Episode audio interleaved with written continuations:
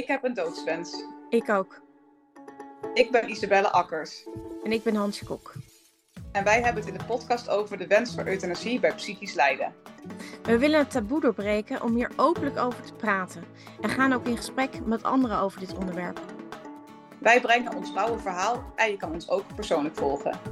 Dus leef met ons mee en draag met ons samen uit de wens dat euthanasie bij psychisch lijden net zo normaal wordt als bij lichamelijk lijden.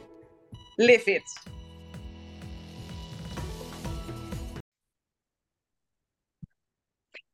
Zo, daar zijn we eindelijk weer eens een keertje. Want er heeft nogal wat uh, tussen gezeten voordat we weer met elkaar echt in gesprek kwamen. Want uh, jij bent ziek geweest. Je hebt, uh, ja. denk ik, vier weken lang jezelf heel blij in een bedje mogen verschansen. Ehm, Klopt.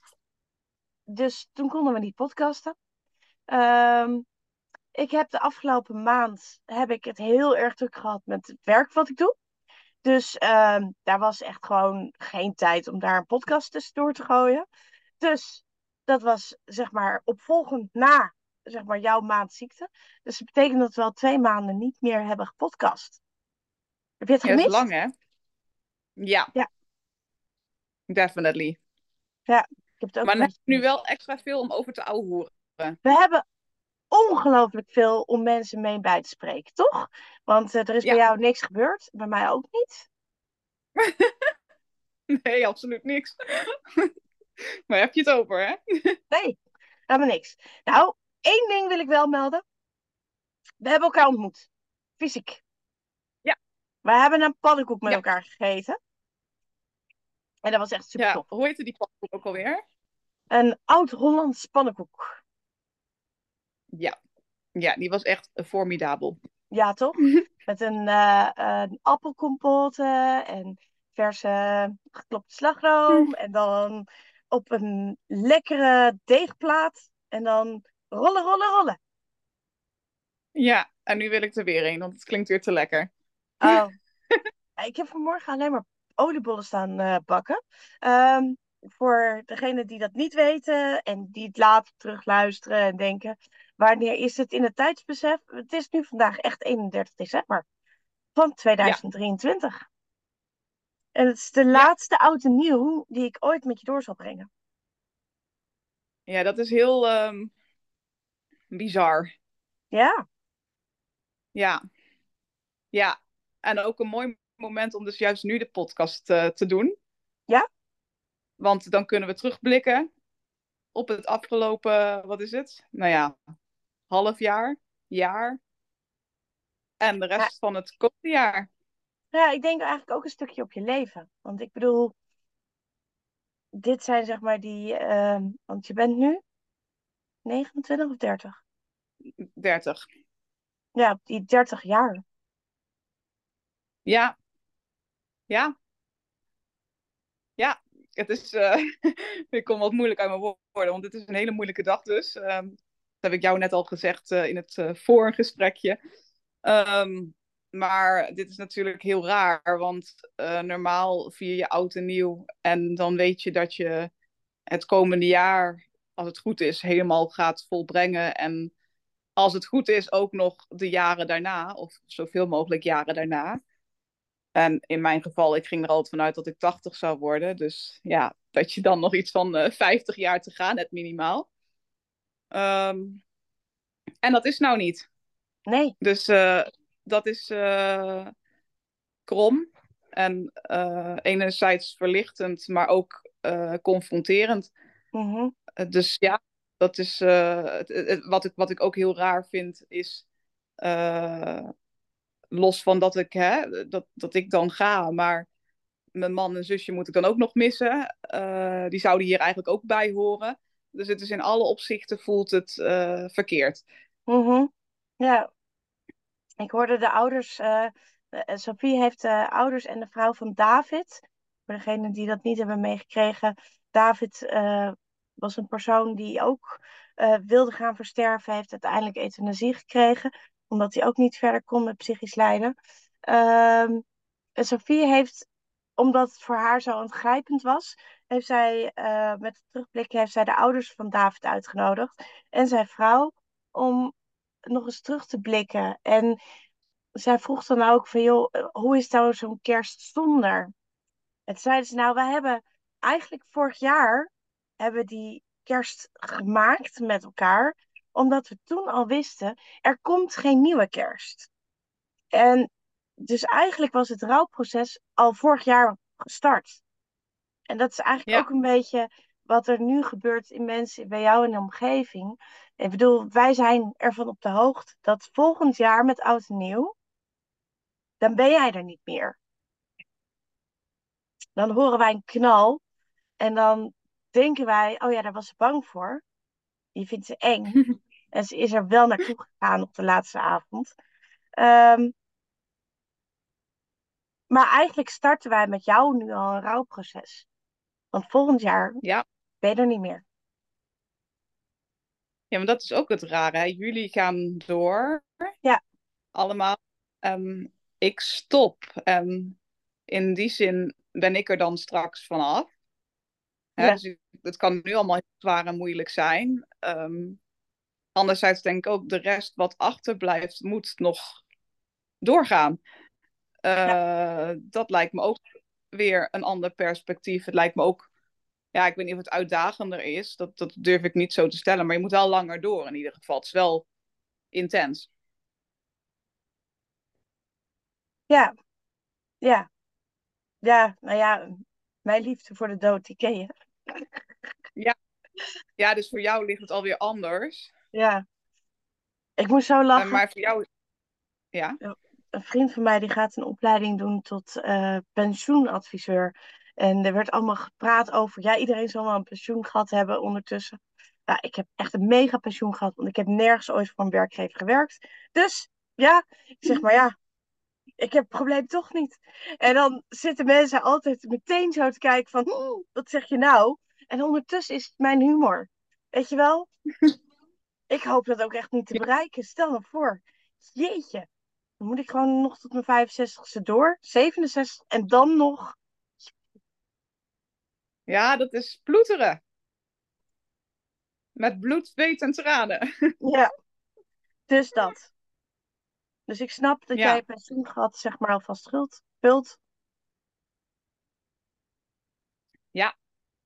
Ja, en weet je, weet je, ik weet dus dat ik dan volgend jaar zeker weten ga, als alles lukt. Ehm, maar hè, voor jou, jij, jij zit nog een beetje in een soort limbo van eh, of en wanneer er iets gaat komen. Ja. Ehm rechtgezet werkt nog niet mee. Nou, eigenlijk werkt nog niks mee. Schiet lekker op. Schiet lekker op. Maar jij kwam precies hetzelfde tegen. Want ook bij jou schiet niks op. Want je hebt daadwerkelijk contact gehad met Centrum voor Euthanasie. Ja, ja. Ik heb een eh, hele mooie brief gekregen. Ik ben er heel dankbaar voor. Eh, eh, nee, het, is, het is een hele mooie brief. Maar ehm eh, er stond dus in dat ze alle informatie voor de aanmelding hebben bekeken. En aan de hand van die informatie vonden ze dat ik wel uitgenodigd kon worden voor een oriënterend gesprek. Dat wil zeggen, dus hè, daarmee start je volgens mij dan gewoon het traject. Ehm, garantie tot aan de deur, uiteraard, daarna. Eh, maar dat zou dus minimaal een jaar duren voordat ja, dat oriënterende gesprek dan eh, plaats zou kunnen vinden. Ja, dan heb je het traject nog niet eens meegerekend qua tijdsduur. Dus er zit er nog een jaar bij. Nou, dan ben je al twee jaar minimaal bezig. Ik wacht al zeven maanden. Nou, dan ben je een kleine drie jaar onderweg. En nogmaals met garantie tot aan de deur. Maar er stond wel mooi aan in die brief eh, dat ze dus begrepen dat een jaar wachten heel lang is. En ehm, ja, dat ze daarom eigenlijk zeiden van ja, wellicht kun je deze brief meenemen naar, ja, naar mijn eigen psychiater of een andere psychiater die dan bereid is om te kunnen helpen. Dat dit een soort van, ja, noem het maar een soort van ticket is of zo, om aan te geven van deze patiënt hè, is, komt in aanmerking voor. Ehm, en dat er dus nog meerdere mensen zijn zoals ik, eh, die ja, eigenlijk niet kunnen wachten. Dus dat ze dat daarom dan als een soort van excuus of zoiets dergelijks eh, aanbieden. Ehm, ja, en oh ja, dat was, was ik nog vergeten. Eh, ik hoefde ook niet te bellen. Uh, want dat stond er ook nog ergens mooi in een regeltje. Want als ik zou bellen, zouden ze exact dezelfde informatie geven als wat er in de brief stond. Uh, dus doe geen moeite. dat was de boodschap eigenlijk. Oké, vriendelijk. En he, ja. hebben ze nou bij Centrum voor Euthanasie of Expertise, Centrum Euthanasie is het tegenwoordig, um, hebben ze daar dan een tussenoplossing? Dus dat, we, dat jij daar nog terecht kan om met iemand te praten, of dat je. Of is het nou, echt gewoon. Hebben... Ga maar lekker Nee, thuis zitten met je shit. Ja. Ja, zoek, zoek, ja, eigenlijk zoek het maar uit. En het is, het is. Kijk, ik snap. Weet je, technisch gezien snap ik dat wat daar misgaat, is dat ze overlopen met aanmelding. Ik, ik snap het echt helemaal. En ik begrijp ook dat zij hè, als enige orgaan, zeg maar, of instelling of instituut, of wie het ook noemen, overbelast zijn geraakt. Daar heb ik echt alle respect voor. Ehm, maar het is natuurlijk wel, ja, er moet wel iets veranderen. Ja, daarom zijn we natuurlijk ook wel hè, aan het babbelen in onze podcast daarover, uiteraard. Maar ik besef nu des te meer, als je zo'n brief ontvangt, dan denk ik van ja, ehm, het feit dat expertisecentrum euthanasie overloopt met aanvragen en zij het dus niet meer kunnen managen, eh, hè, die, die, die overloop aan aanvragen, eh, dan moet er dus landelijk iets gaan veranderen. Dan moeten er dus meerdere ja, organisaties of, eh, of psychiaters of whatever, of huisartsen misschien, komen die dus inderdaad gespecialiseerd raken. Want dit, dit loopt gewoon over nu. We- loopt echt over. En Kunnen wij nou verta- ver- ja, verklaren of vertalen waarom er zoveel mensen nu die weg vinden? waarom ze nu die weg vinden bij, bij, bij expertisecentrum bedoel je? Ja, waarom er zoveel aanvragen zijn? Nou ja, ik denk persoonlijk, ehm, maar dat, dat is wat ik denk, hè. Eh, kijk, vroeger in mijn jeugd heb ik ook vaak willen gaan, en mijn zusje ook. Alleen het, is- niet heel erg aanlokkelijk om, eh, ja, nou ja, om, om voor een trein te springen. Trouwens, dat vind ik ook vet egoïstisch, zou ik nooit doen. Eh, of een overdosis te nemen, want dan kan je er nog eens verlamd uitkomen of iets dergelijks.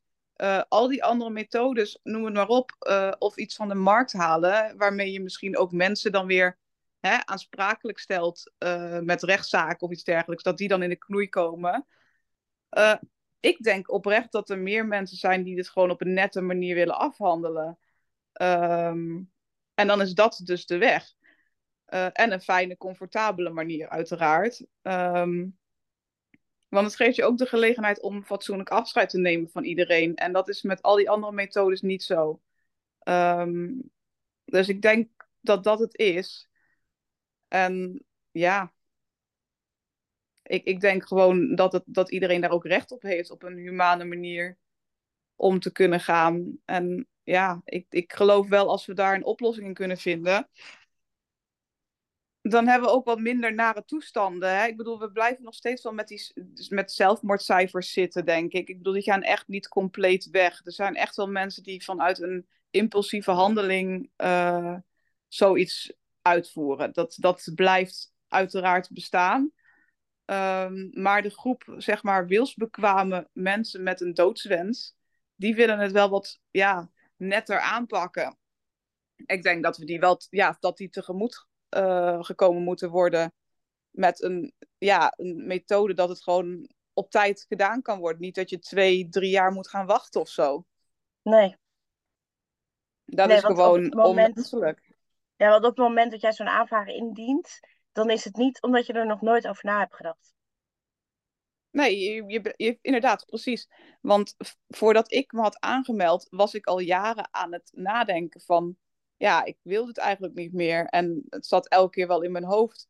En hè, jij bent ook heel eh, bewust aan het denken wat je wel en niet wil. Het zijn niet de impulsieve eh, mensen die daar aankloppen. En als die wel aankloppen, worden die meestal eruit geselecteerd.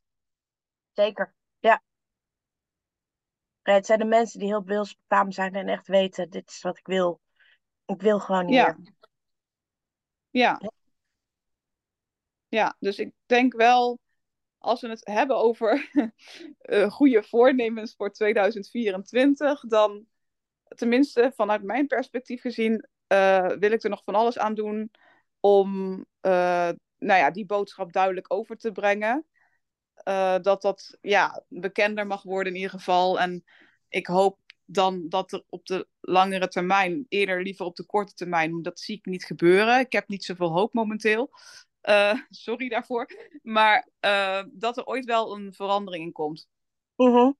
Ja, en daarom hebben we besloten echt elke week vanaf uh, 8 januari gaan wij een podcast lanceren. En ja. we gaan zowel in gesprek met mensen, waarmee wij echt in gesprek willen. En plus dat we echt zeker nog aanvullingen doen met z'n tweeën. Ja, ja. Ja, we hebben nog wel wat onderwerpen. Nou, we hebben heel wat onderwerpen. Het zijn niet een paar, het zijn er echt een hele hoop, geloof ik. Dus misschien hebben we tot, uh, tot uh, wat was het ook alweer? Uh, 8 april. Ja, 8 april, ja. Uh, te weinig tijd. Maar we gaan zoveel mogelijk te proberen in te proppen. -hmm. Ja. Ja, en anders is er misschien een opvolger die zichzelf aanwijst en zegt: Nou, ik vind het heel erg leuk om in de voetsporen van Isabel te treden. Um, ja. En zit ik hier op oudejaarsavond volgend jaar met iemand anders. Het is wel een Ja. raar besef. Dat is trouwens wel een heel leuk idee. Hè? Ik heb opeens weer een brainwave. Um, Ja? Maar wellicht dat we in maart wel een nieuwe kandidaat kunnen selecteren. Oeh. Ja. Die dan zegt: Ik haal 2025 net, maar daarna. Dit wordt mijn laatste kerst en mijn laatste oud en nieuw. En dan blijf ik daar aan de zijlijn steeds de goede, zeg maar. eh, Oh nee, dat is ook sneu. Dat, dat vind ik eigenlijk heel zielig. Ik bedoel, dan Ja. sta je elke keer weer alleen. ja. En misschien is dat dan wel mijn lot. Ik weet het niet. Misschien is het wel gewoon mijn lot je dat ik mijn hele leven lang nog moet aandacht vragen voor psychische kwetsbaarheden en doodswensen. En dat ik ieder jaar weer dat eind haal. En dat ik denk, hoe dan? Hoe dan? Dat kan, Dan word hè? je toch nog dat 12-jarige omaatje met een wandelstok en een, en een bochelrug. Ja. En dat je echt denkt dat ik dan op het 85ste terugkijk en denk van Isabel. Weet je nog? 2023, 31 december. Dat. Ja, Nou, als dat is wat, wat ik behoor te doen, weet je, dan is dat ook oké. Maar dan hoop ik ook echt dat ik het gevonden heb. En dat ik ook echt gewoon volledig heb gezegd van, joh, ik omarm dit en ik ga ervoor. Want dat is natuurlijk de andere kant. Ik bedoel, ja, ik omarm nu de dood, maar dat wil niet zeggen dat, dat ik heb altijd gezegd, er zit nog een shift in mij. Eh, misschien shift het wel de kant op van, ik wil nu echt, nu wil ik echt. Of misschien shift het naar, nou ja, weet je, ik heb op een andere manier nog iets te betekenen. En dat is ook oké. Weet je, ik ben op dit moment veel meer in de overgavestand. Ik weet niet of je dat kent. Eh, dat je veel meer Ja. denkt, van, ja, laat maar even op mijn pad komen wat erop komt. Ehm, dan dat ik eigenlijk in de vooropgezette coördinerende rol zit van en nu ga ik dit plannen, ik ga dat plannen, ik ga zus plannen. Ik, eh, ik heb vooral het afgelopen jaar gemerkt dat je heel veel dingen niet kunt plannen. Dat begon bij mij met mijn zwager die natuurlijk overleed in februari. En daarna ook gewoon in mijn bedrijf, in mijn praktijk, alles. Weet je wel, dat, dat ging dan even helemaal zo. En was helemaal leuk. En dan daarna weer helemaal die kant op. Dus het, het is echt ja, het is een vreemd jaar geweest. En ik denk dat ik ergens in oktober, november, dat ik zeg maar dacht, er is eigenlijk maar één weg en de weg is overgave. En dat, dat, dat is ook gewoon waar ik gewoon een beetje in wil blijven hangen. En iets minder voor opgezet. Maar goed, dat is mijn goede voornemen. Ehm, jouw goede dat voornemen? Ja. Ja, het geeft wel een stukje rust. Omdat je niet... ehm, ik hoef het niet te weten wat ik, eh, wat ik morgen doe. nee.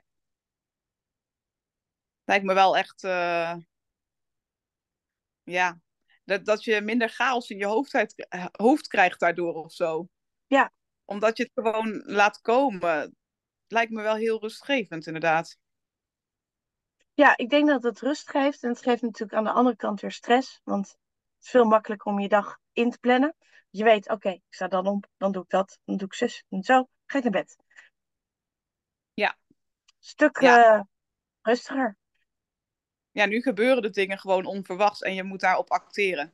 Ja.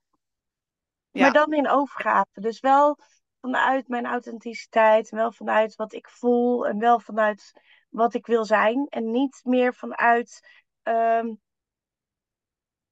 maar dit is het juist om te doen. Dit is eh, nobel. Dit is. ehm, weet je, ik, ik mag daarin gewoon controversieel zijn, om het zo te zeggen. Zelfs in mijn overgave. Nou, ik vind het knap. Ik bedoel, ehm, het is volgens mij een van de aspecten van Boeddha, toch? Ik heb nooit Boeddha bestudeerd. Ja, volgens mij doet hij dat ook. Ik, ehm, ja, respect. Maar dat is een beetje wat meer een beetje over mij heen hangt. En dat betekent dus ook dat ik dus nu even geen idee heb. Wat ik wel merk is dat als ik over de dood heb, dat ik er heel enthousiast van word. Heel blij van word. En dat ik echt gewoon ehm, er een bepaalde opluchting en vrijheid in voel. Maar als dat niet zo is, dan is het niet zo. Ik weet namelijk, Nee. morgen ben ik het waarschijnlijk niet. Dood. Dus dan zou ik wel weer in overgave gewoon mijn dag leven. Ja. Ja. Ja, je bent natuurlijk nog in die onderzoeksfase, hè, om dat allemaal te bestuderen. Wat wel en niet mogelijk. Ja, nou weet je wat het is? Als het om jezelf gaat, is zo'n keuze helemaal niet zo moeilijk. Althans, vind ik. Als je alleen maar puur naar jezelf kijkt, Ja, bedoel je? Ja. Ja, dan is zo'n keuze helemaal niet moeilijk. nee. Maar ja, je hebt je gezin, bedoel je, nog om je heen. Ik heb een gezin, Ja. ik heb een man, ik heb zeg maar andere verbindingen, weet ik veel allemaal. Dus dat speelt allemaal ook een rol. Het is niet zomaar dat je zegt van joh, mijn beslissing heeft geen enkel effect daarin. Nee, nee. Nee, dat is zeker waar. Dat, ja, klopt. Eh, ga ik trouwens deels in mee. En ehm, deels ook niet misschien. Maar dat komt ook... ehm, Ja, want jij hebt dat stuk af kunnen leggen. Jij Ja. hebt op een gegeven moment kunnen bedenken: oké, maar wacht even, met wie, wie sta ik nou in het leven? Met mezelf. En, ehm, en mag ik dan ook die beslissing maken? Ja, en ik heb misschien makkelijker praten. Hè? Ik bedoel, mijn man en zusje zijn er dus al niet meer. Dus die laat ik inderdaad niet achter. Dus dat is inderdaad iets makkelijker dan. Ehm, anderzijds vind ik nog steeds dat, eh, ook even hypothetisch gezien, als zij er wel waren geweest nog steeds. Eh, uiteindelijk leeft ieder zo zijn of haar leven. En je hebt gewoon beschikking over je eigen lichaam. En je mag ermee doen en laten wat je wil. Ehm, dus ook los van hè, of je wel of niet je gezin om je heen hebt. Als jij het gevoel hebt dat je echt moet gaan, welke manier dat dan ook is. eh, ja, het liefst natuurlijk wel op een nette manier. Het is Mhm. fijner voor de rest. Ehm, en voor jezelf. Maar dan vind ik gewoon dat je daar nog steeds het recht op hebt. Of dat het makkelijker maakt, dat is de tweede vraag natuurlijk. Want hè, het is natuurlijk gewoon wat ik al zei. Je hebt je gezin om je heen. Dus dat, je blijft toch mens en je blijft moeder en partner van. Dus natuurlijk ga, ga je dat ook meenemen.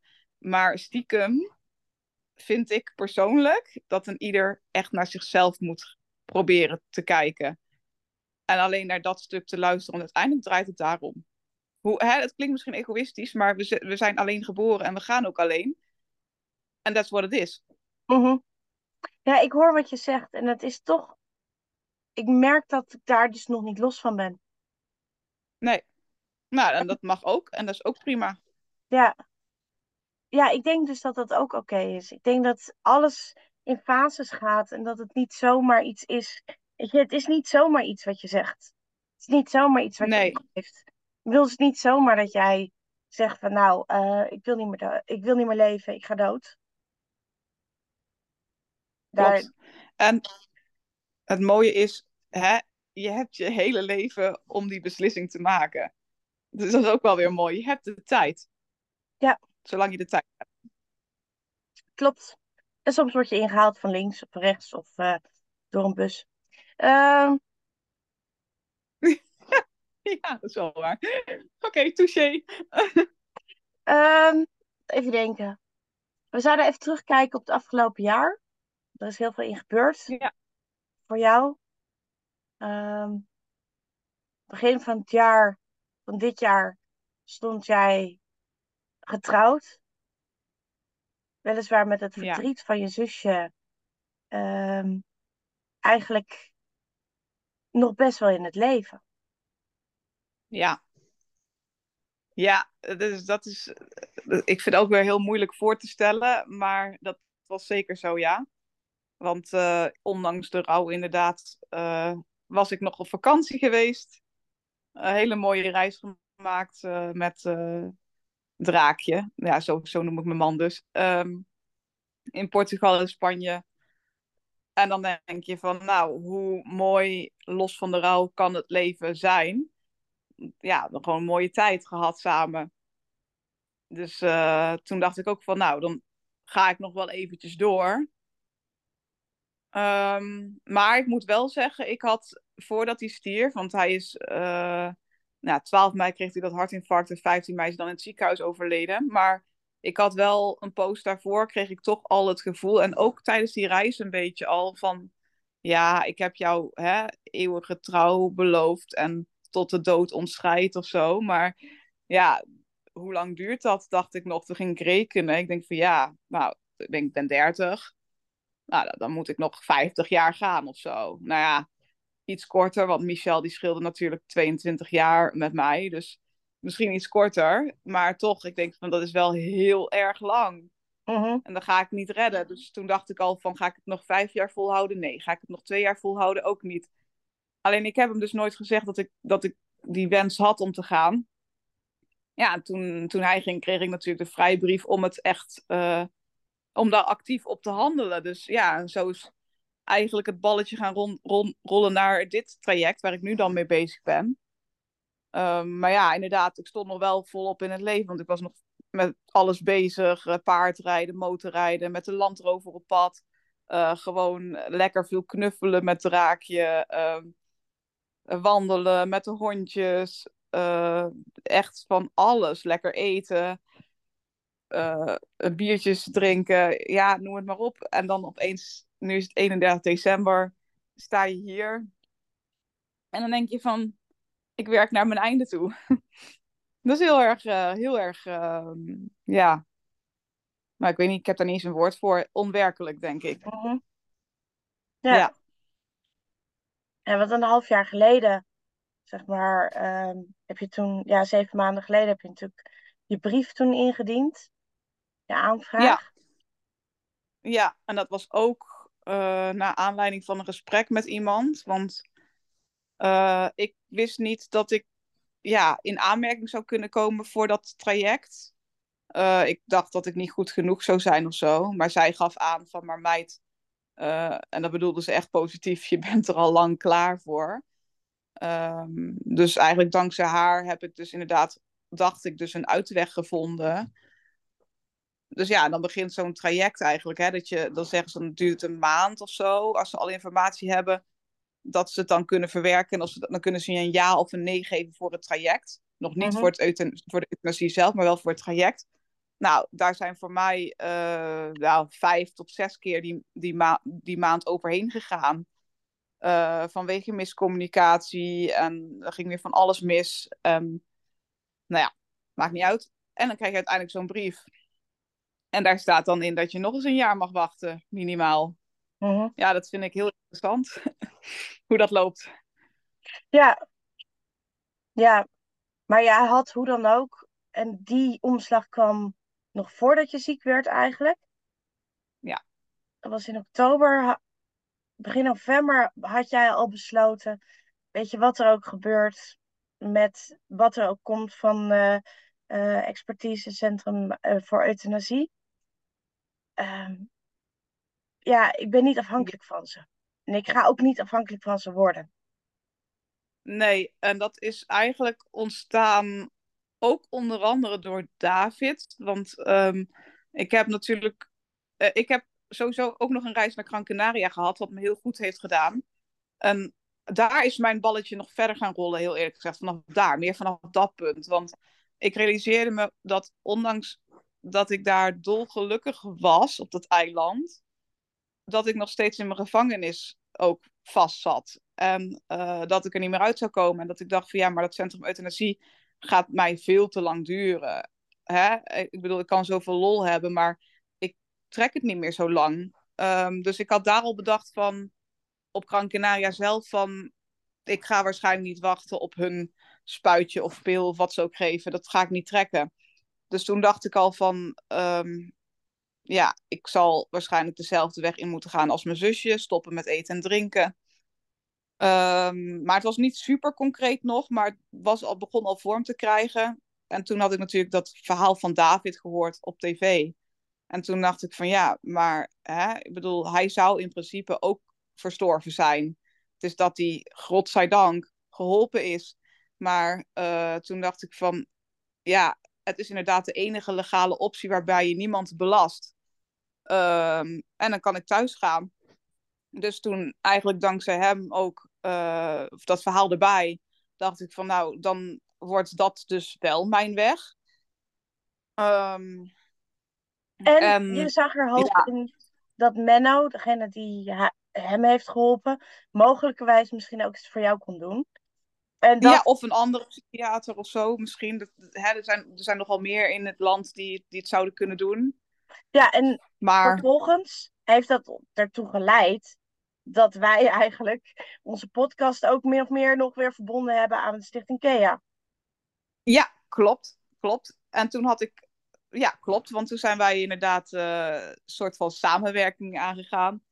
Um, en toen had ik nog heel erg, uh, nou ja, minimaal een jaar in mijn hoofd. Dus zeg maar volgend jaar zomer, 2024. Nou ja, en in de laatste weken is dat veranderd. Want uh, ik heb die brief dus ontvangen en dat gaf nog minder hoop. Uh, dat duurt wel heel lang. En toen dacht ik van ja, dan kan ik net goed het heft in eigen handen nemen. Dan hoef ik ook niet tot zomer te wachten. Dan kan ik ook eerder gaan. En ik trek het ook gewoon niet langer. Dus um, heel kort en bondig is nu het plan, uh, als het lukt, de voorbereidingen, de gesprekken met de huisarts en de hospice. 9 april starten met versterven in een hospice. Uh, en dan, uh, want ik wilde heel graag thuis sterven, maar vanwege heel veel obstakels en ja, moeilijkheden die je wel zou kunnen oplossen, maar het wordt allemaal moeilijk, moeilijk, moeilijk. Uh, thuis de opbaring te doen. Ja. Maar ja, dan moet wel het versterven lukken natuurlijk. dat is de eerste stap. Uh, maar dat is dan vanaf 9 april. Ja. Ja, wij blijven bij elkaar in ieder geval tot 8 april uh, podcast opnemen, wekelijks. Ja. Zolang het lukt. Want, weet ja. je, misschien is er een moment dat het allemaal toch weer eerder is. We zien het wel. Misschien wordt het later. Kan ook. Door alle omstandigheden. Dat kan ook. Of het mislukt, dat kan ook. Ja, ik weet niet of ik je dan wil spreken daarna. Want ik kan me zo voorstellen dat dat niet het leukste is in je leven. Um, Aangezien ik dan nog steeds zeg maar wel met je wil spreken hoor trouwens. Ik wil wel met je spreken, maar ik weet niet of jij dan nog zin hebt om met mensen te spreken. Geen idee, dat weet ik ook niet. Ik weet wel dat ik dan mijn missie heb waarschijnlijk, ondanks heel veel verdriet, uh, dat ik het dan toch wil doen. Omdat ik denk van, we moet, er moet nog steeds iets veranderen in dit land. En dat is dus ook toch een deel ook uh, waarom ik ook voor het versterven kies. Uh, want hè, het is ook maar de enige nette optie voor mijn nabestaanden en dierbaren. En ook de enige legale optie. Maar ik denk wel, het is ook gelijk een best wel heftige, intense methode, toch? Um, dus ik hoop oprecht dat het lukt. Niet alleen voor mezelf, maar ook voor lotgenootjes. Want we gaan alles vastleggen. Uh, het, wordt, het wordt dus allemaal gefilmd en gefotografeerd. Um, ergens, at some point, wordt het in mijn vlogs, denk ik, uh, uiteindelijk uitgezonden. Um, maar ik wil daartoe alleen maar bijdragen dat, hè, dat euthanasie straks de weg gaat zijn voor lotgenoten. En dat het niet op deze manier hoeft. En wellicht zijn schokkende beelden dan wel een eye-opener. You never know. Niet geschoten is altijd mis. Ik kan me ook voorstellen dat het niet lukt. Nou ja, dan heb ik mijn uiterste best gedaan. Um, daar koop je niks voor natuurlijk. Maar ik hoop dus wel dat het uh, gaat werken. Dat hoop ik ook. bedoel, het is een ja. traject. Um, maar dus afgelopen jaar, dus je ziet hoe ontzettend snel ontwikkelingen gaan. En hoe ontzettend snel je dus eigenlijk komt tot dingen die, waar andere mensen niet eens over nadenken. Ik bedoel, de meeste mensen die ik spreek, is het geen optie voor om je eigen leven te willen beëindigen. Dat is bizar. Het is ook onmenselijk, hè? Want we zitten allemaal in een standje van overleving. En alles wat doodgaat of dood wil of zo proberen we te redden. Um, dus het is ook heel onmenselijk om, dat, om die wens te hebben. In principe zijn wij gewoon voor de, hè, voor de rest van de mensheid een apart soort. Zeker, ja. ja. Nou zijn we ook wel bijzonder raar. Dus dat, uh, dat is goed. Um, als we kijken naar 2024, je hebt al een paar keer gezegd, je hebt een missie. Um, en ik heb die missie ook, want ik vind nog steeds dat er veel meer ruimte, bespreekbaarheid moet zijn. Dat we moeten stoppen met overal verstoppertjes spelen, maar dat we ons echt moeten gaan uitspreken. Ja. Het is niet raar om die gedachten te hebben. Het is niet stom om die gedachten te hebben. Het is zelfs niet raar als je er acties achteraan zet. Dat soort dingen heb je. En dat mag ook uitgesproken worden. En daar mag een maatschappij op anticiperen. Ja. Agreed. En ik denk dat dat ook echt iets is wat um, in 2024 um, nog verder zal gaan groeien, denk ik, bij ons beiden. En dat is dat we het open en eerlijke gesprek nog verder willen aangaan. Ja, ja. Ja, wij gaan gewoon lekker verder babbelen hè? Tot, uh, tot en met 8 april dus. Via de podcast. Dan gaan we mensen uitnodigen inderdaad. Onze eigen thema's uitdiepen. Heel veel joie de vivre erin gooien. En uh, ja, kijken waar het ons brengt. Zeker. Ja. Um, nou ja, weet je, um, aan het eind van zo'n jaar. We kunnen wel eens kijken of er nog een leuk kaartje is. Ik heb hier het kaartendek van uh, Vertel eens. En die blikt terug. Die blikt terug en vooruit op, uh, zeg maar, uh, um, kunnen we eventjes een, uh, een vraag, zeg maar, doen. Zeg maar welke ja. je wil. Een vraag. Ja, hm. even hoor. Ja, Lastig zoiets. hoor. Ja, daar komt hij. Ik pak er eentje uit als je zegt stop. Stop.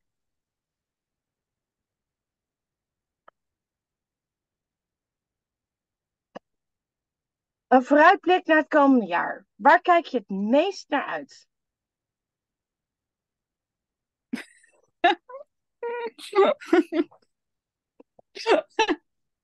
Sorry, maar die is echt heel flauw. Mijn verlossing. Het waren er twee die op geplakt waren. En het andere is dus, wat ga je doen dat niemand van je verwacht? Ja, maar dit verwacht iedereen al van mij. Dus hè? zou je eigenlijk moeten zeggen, blijven leven. Maar dat is het dus niet. Nou, wat niemand van je verwacht is misschien dat je uh, nog een middel vindt tegen je eigen dwang. Of dat je um, uh, een auto gewoon water inrijdt omdat het kan. Of dat je dat gaat vet. dansen. Dat je gaat dansen op het kerkhof uh, waar je eh, begraven wil worden. En daar een film van Oh. maakt. Weet je, ik bedoel, ik kan tigduizend dingen verzinnen die mensen niet verwachten van je, maar die je nog zou kunnen doen. Ja, dat klopt. Ja. Ja, nou, ik heb wel één ding al gedaan die mensen niet hadden verwacht. Ik heb, eh, was aangehouden door de politie. Woe! Omdat ik illegaal met mijn eigen auto rondreed. Nou, dat vind ik dan Ja. wel weer eentje voor je Guinness Book of Records, of wat was het? Je bucketlist items. Ja, die hoort er wel tussen. Maar ja, wat volgend jaar komt, noem jij maar eens wat op. Wat, eh, de, de vraag was ehm, wat ik ga doen dat niemand van mij verwacht. Ja. Ehm, ja. Wat ga ik doen wat niemand van mij verwacht? Ehm, misschien toch dat ene boek een keer schrijven en afronden. Wat Oh, aan dat hele boeken mooie begonnen, maar ik heb er nog nooit eentje afgeschreven. Dus dat zou zeg maar wel iets zijn wat mensen niet verwachten. Wel dat ik weer een nieuw Nou. boekidee heb en dat ik het dus allemaal, eh, maar niet dat ik zelf schrijf. nou, go for it. Ja, hè? Ja, ja. Ik duim voor je. Hebben wij nog een wens voor mensen? Een wens. Nou, de enige echte wens die ik kan bedenken, en die roep ik eigenlijk altijd al eh, overal, eh, liefde. Dat is gewoon letterlijk, het is, het is echt een cliché, ehm, maar ik denk dat dat het enige is wat uiteindelijk telt, want dat blijft overeind. En dat is het enige wat mensen nodig hebben. Mhm.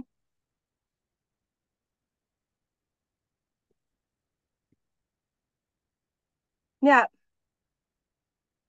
Ja, ik, ik zou toch ook wel willen zeggen, ik hoop dat mensen zich in 2024 meer durven uitspreken. Mooi. En ik vind het ook wel heel fijn als mensen weer meer met elkaar willen verbinden. Dus echt, dat er echt gewoon een, een overdracht is van menselijk naar menselijkheid. Weet je wel? Dus niet dat ehm, ik ben beter dan jij of ehm, ik vind dat ik het meer verdien. Weet je, voor mij leven dat soort dingen helemaal niet. Ik wil graag dat Nee, het-. Je moet allemaal jezelf kunnen zijn zonder dat daar een oordeel op zit. En we zitten allemaal op gelijke voet. Ja, en dan daarin verbinden, connecten. Weet je, ik bedoel, wat wij aangaan is ook een verbinding. En we, zelfs met de wetenschap van, joh, die verbinding zal op- hier op aarde niet zo lang zijn, eh, dat je het niet uit de weg gaat, maar dat je die verbinding nog steeds aangaat. En dat je echt denkt van, ja, Ja. weet je, je bent gewoon een superleuk, inspirerend persoon. En ik wil alleen dan maar kunnen zeggen, ik heb er gekend, ik heb er mogen kennen. Weet je wel, dat. Dat vind ik gewoon Ja, andersom is dat trouwens ook, hè. Want eh, ik ben echt heel blij dat wij dit samen doen. En ik vind het ook heel leuk dat we pannenkoeken kunnen eten samen. En dat we dan gewoon de lol hebben. En soms ook de, ja, de dark sides hè, naar boven laten komen. Gewoon dat we dat kunnen. Dat, dat, dat kan ik niet met iedereen. Nee. nee, maar dat komt omdat mensen nou helemaal niet die kant van zichzelf ook op willen. Merk Klopt. ik heel vaak. Want stel nou voor dat je over dingen na gaat denken. Of dat je ehm, het aan wil kijken in jezelf, dat stuk. Er is altijd een deel, denk ik, ook bij iedereen die ehm, stiekem denkt: als ik hier waar vanaf ben, dat zou best wel fijn zijn. Wij benoemen het gewoon allemaal, weet je. Ja. En zonder dat ik, eh, en zonder dat er iemand ook een oordeel heeft over de dingen die je, weet je wel. Je merkt heel vaak dat mensen dan toch het eh, zeggen ze, oh ja, goed voor je en wat knap van je. en Goed dat je het hebt besloten. Sta er helemaal achter. Ehm, Ja. Maar eh, in 2026 hebben wij een afspraak, hè? Dat Ja, niet meer. Ja, Weet je wel, dat, eh, ja, is er niet iets wat, wa- waarvoor je dan verleid kan worden? Ik denk, dan accepteer je het toch eigenlijk niet? nee, klopt. Ja, nou ja, precies wat jij zegt. Die, die uitspraken, of soortgelijke uitspraken, ja, die hoor ik ook regelmatig. Mhm. Ja. Maar wat, wat het ding is, kijk, jij en ik, wij komen heel vrolijk over. Hè? En eh, vol levenslust. En dat hebben we natuurlijk ergens dus ook. Ehm, maar het is dus, voor hun werkt het dus niet dat je een doodswens kan hebben naast die aspecten. Hè? Want vaak zijn het, uh, het, het beeld is natuurlijk een depressief persoon. Ja. Maar wij zijn niet depressief of continu depressief. Ik, ik ben wel eens depressief natuurlijk, maar het heeft niks met depressie te maken. Het heeft gewoon te maken met een innerlijk, innerlijke wens of verlangen om, om met dit leven klaar te zijn.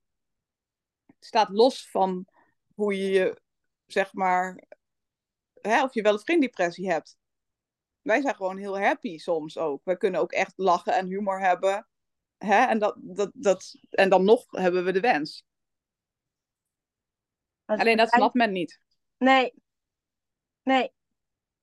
Begrijp ik ook wel weer. Dat ze het niet begrijpen. Nee, omdat, omdat het tegenstrijdig lijkt. Ja. Maar ik ben er wel achter dat ik ontdekt heb dat ik echt een dualiteit ben.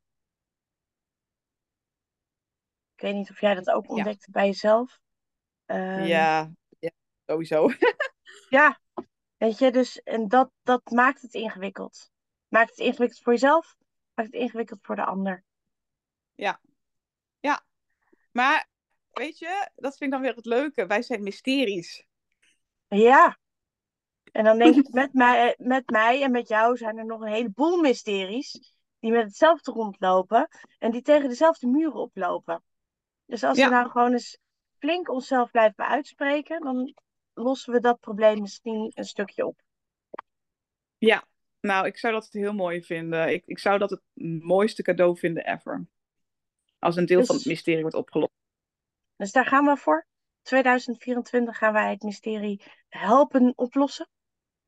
Ja. Ja. Zekers. Top. Let's do this. Dit was hem dan, hè? Einde Ja. van 2021, eh, 2023, Ja. Ja, 31 december. we gaan hem afsluiten. Het is heel bizar. Het voelt ook echt... eh, ik heb letterlijk een brok in mijn keel. Ehm, maar we gaan het wel zo afsluiten. Ja. Volgend jaar is het anders.